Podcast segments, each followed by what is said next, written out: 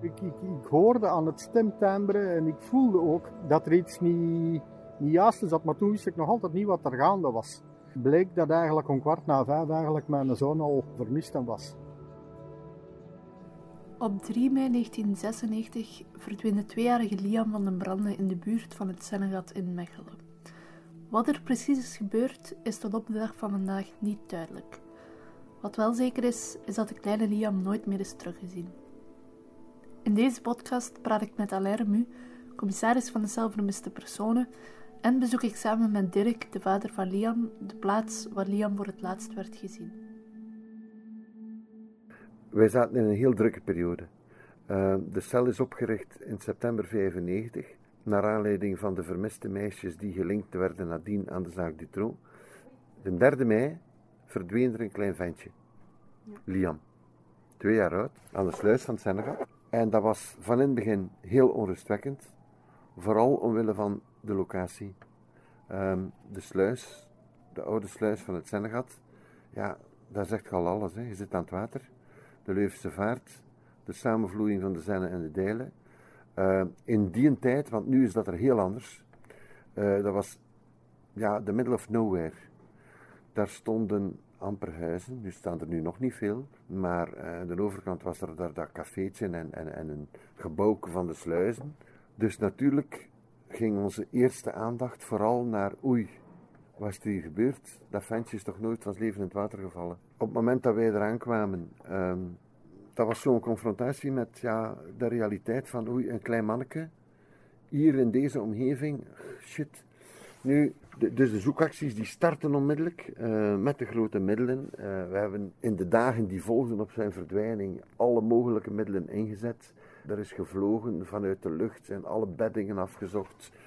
Met vrijwilligers, met politiemensen is er gezocht geweest. Um, in de grote omgeving, de sluis, de duikers van Elf Genie zijn ter plaatse gekomen. Die, die sluis is doorzocht. Maar ja, wat wilt je? Een klein, een klein manneke van twee jaar. Dat is, oh god, heel, heel klein hè, in verhouding tot, tot de locatie waar je daar zit. Dus dat, dat was toch wel een, uh, ja, een behoorlijk heftige situatie waar we heel snel mee geconfronteerd worden. Het belangrijkste van, van dat moment was, Liam werd niet gevonden. En uh, jammer genoeg is het verhaal verteld.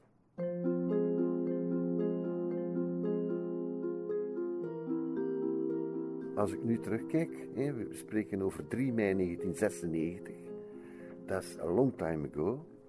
Eigenlijk ondanks alles wat er intussen allemaal is gebeurd, er zijn elementen die pleiten voor het water, het stoomaccident. En ik ga eerlijk zijn, dat is mijn overtuiging. Anderzijds, we hebben Liam nooit gevonden. En dat opent natuurlijk de deur naar andere denkpistes. Misschien is hem toch niet in het water gevallen. Misschien is hem daar toch door iemand weggehaald als we het hebben over criminele omstandigheden, het is een heel onwaarschijnlijke plek voor een ontvoering. Want als je daar een kind zou meepakken, dan raak je er, als er alarm geslagen wordt, raak je daar eigenlijk niet meer weg. Hè? Want het Senegal loopt daar dood, zeker in die tijd. Dus stel dat een dader een kind daar gaat ontvoeren, ja, dan neemt hij een enorm risico. Want in normale omstandigheden raakt hij daar niet meer weg zonder dat hij gezien wordt. Dus dat is een element geweest dat al die jaren toch is blijven leven. In de zin van, hm, het lijkt ons weinig waarschijnlijk. Los daarvan zijn wel alle mogelijke hypotheses onderzocht. Ook die criminele hypothese. We zijn gaan kijken van wie woonde hier in de buurt. Het was ook een andere tijd. Hè? Camera's. Nu kun je geen 300 meter stappen of rijden, of je staat zes keer op de camera. Toen helemaal niet. Hè? Uh, buurtbevraging, buurtonderzoek um, zoekacties in de, in de omgeving, opsporingsberichten, de klassieke opsporingsberichten, opsporingen via de toenmalige opsporingsprogramma's zoals, wat was Oproep 2020 op VTM en dat soort zaken. Enfin, noem het allemaal op. Er is van alles gebeurd. We hebben Liam nooit teruggevonden. Een tijd later zijn dan fotoverouderingen gebeurd. In de hoop van, wie weet, is er iemand die hem zou kunnen herkennen. Ouder, een paar jaar ouder al. Ook dat heeft allemaal niks opgeleverd. En we staan dus nog altijd even ver. Ik ben zelf ik weet niet hoeveel keren, los van de officiële zoekacties en, en plaatsbezoeken en, en, toestanden, ben ik zelf, ik weet het niet hoeveel keren, teruggegaan naar het Sennegat. Ehm, alleen, soms met een collega, ook met Dirk, met papa. We hebben elkaar al heel vaak daarover ontmoet. En dan blijft in je hoofd spelen van, ja, de vraag van, hebben wij iets over het hoofd gezien? Um, hebben we fout gemaakt? Uh, is er iets wat ons ontgaat? Ik bezoek samen met Dirk, de vader van Liam, het huis van Liams grootmoeder. De plek waar Liam voor het laatst werd gezien.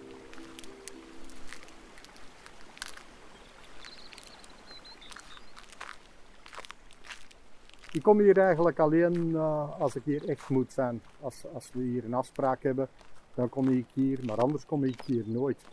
Deze plaats heeft voor mij uh, eigenlijk niks meer idyllisch, nogthans in de zomer, ook in de winter. Het is hier echt wel, uh, wel rustig en aangenaam toeven, maar voor mij heeft dat heel andere dingen.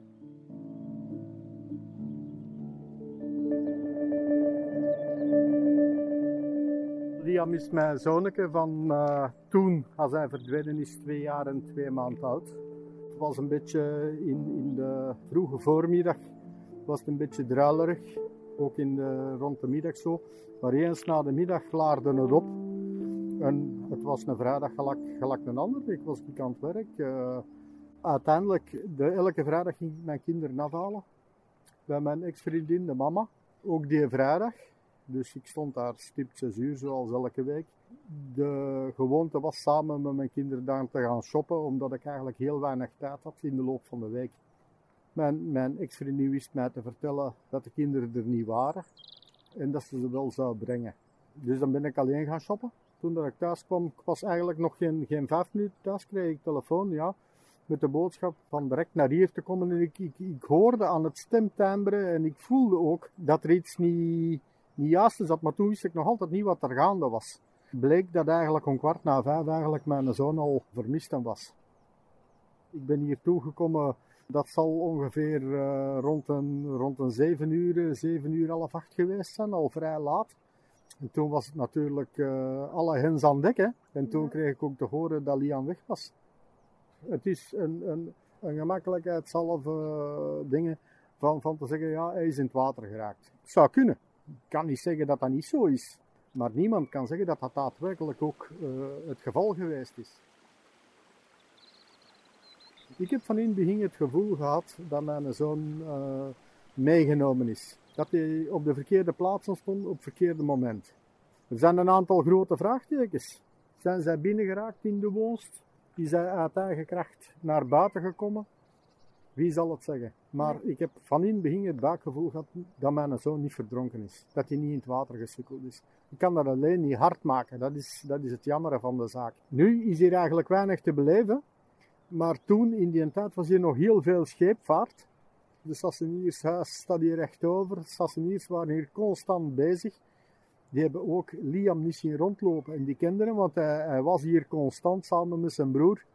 Want uh, dat was het huis van, van de, de, de grootmoeder. Hè. Is er een hoop of een kans, denkt u, dat Liam ooit teruggevonden wordt? Die is er altijd die kans. Hopen moeten we blijven doen. Ja, want anders ja, dan, dan, dan houdt het sowieso op. Of dat die in uh, hoop gaat omgezet worden in realiteit, dat zal alleen de tijd uitmaken. Uh, en dan is er een tweede vraag. Of dat, daar zijn al een aantal mensen weggevallen van kortbij uh, de verdwijning. Uh, of dat we het nog allemaal gaan, gaan, gaan weten zelf. Ja. Dat we het nog gaan meemaken, zal het ja, zo zeggen. Ja. Uh, ik kan u garanderen, het is een nachtmerrie. Uh, en dat is een nachtmerrie dat blijft duren.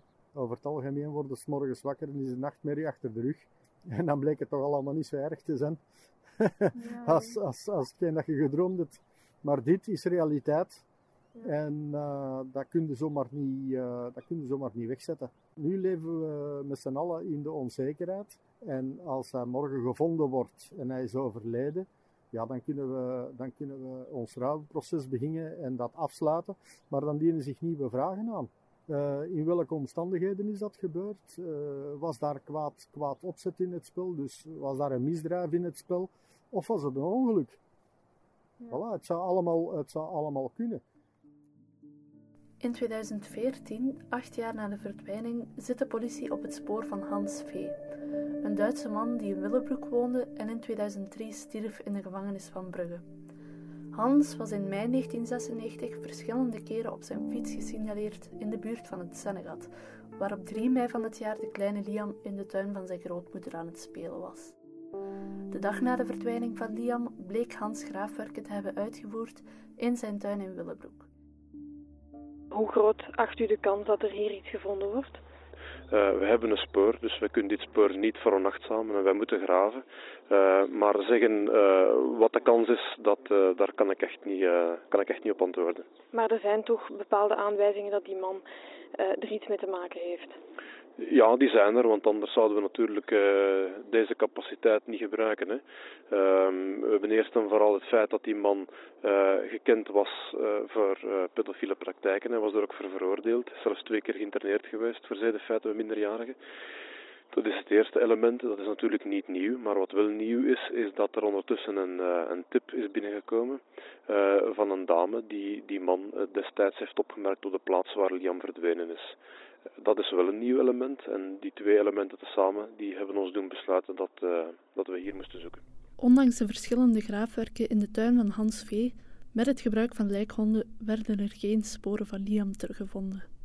Eerlijk, als ik vandaag terugkijk, blijf ik nog altijd bij mijn overtuiging dat heel waarschijnlijk de kans heel groot is, en ik druk mij echt voorzichtig uit, dat hij toch in het water is gevallen. Maar we hebben hem nooit gevonden natuurlijk. Hè.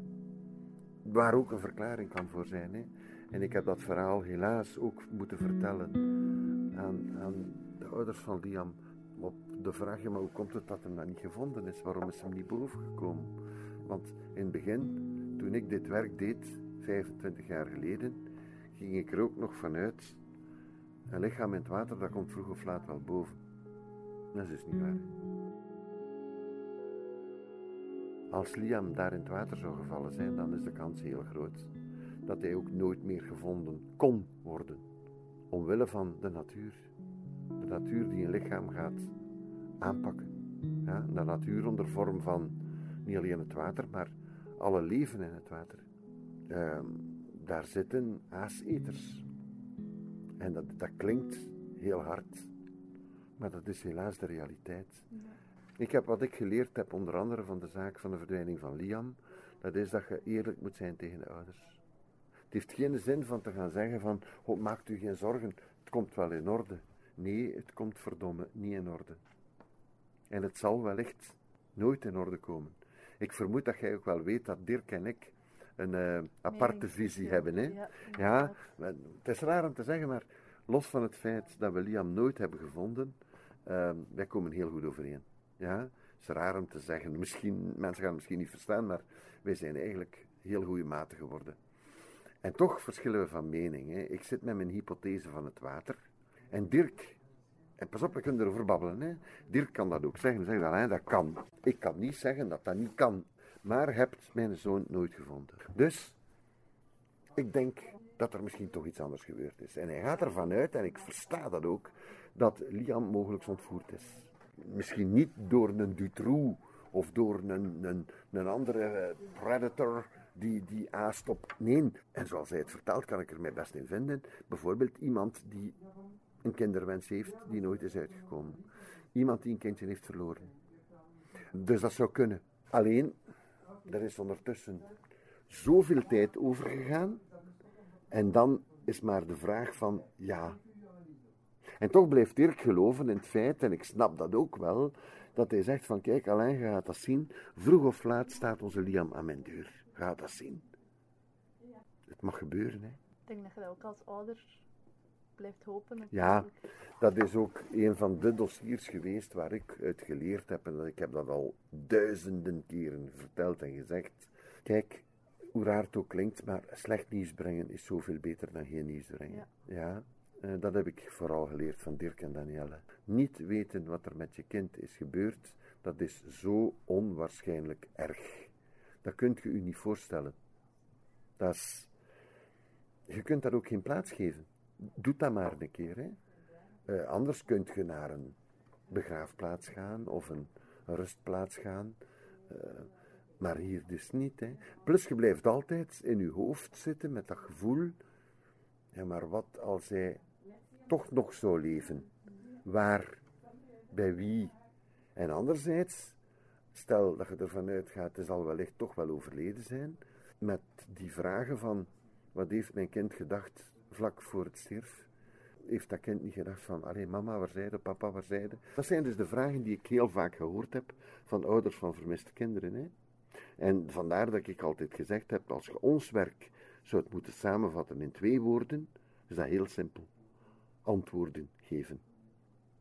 Als we erin slagen mensen een antwoord te geven, ook al is het een antwoord dat ze niet willen horen, hè, het allerslechtste nieuws, dan is dat beter dan dat je ze nooit iets kunt zeggen.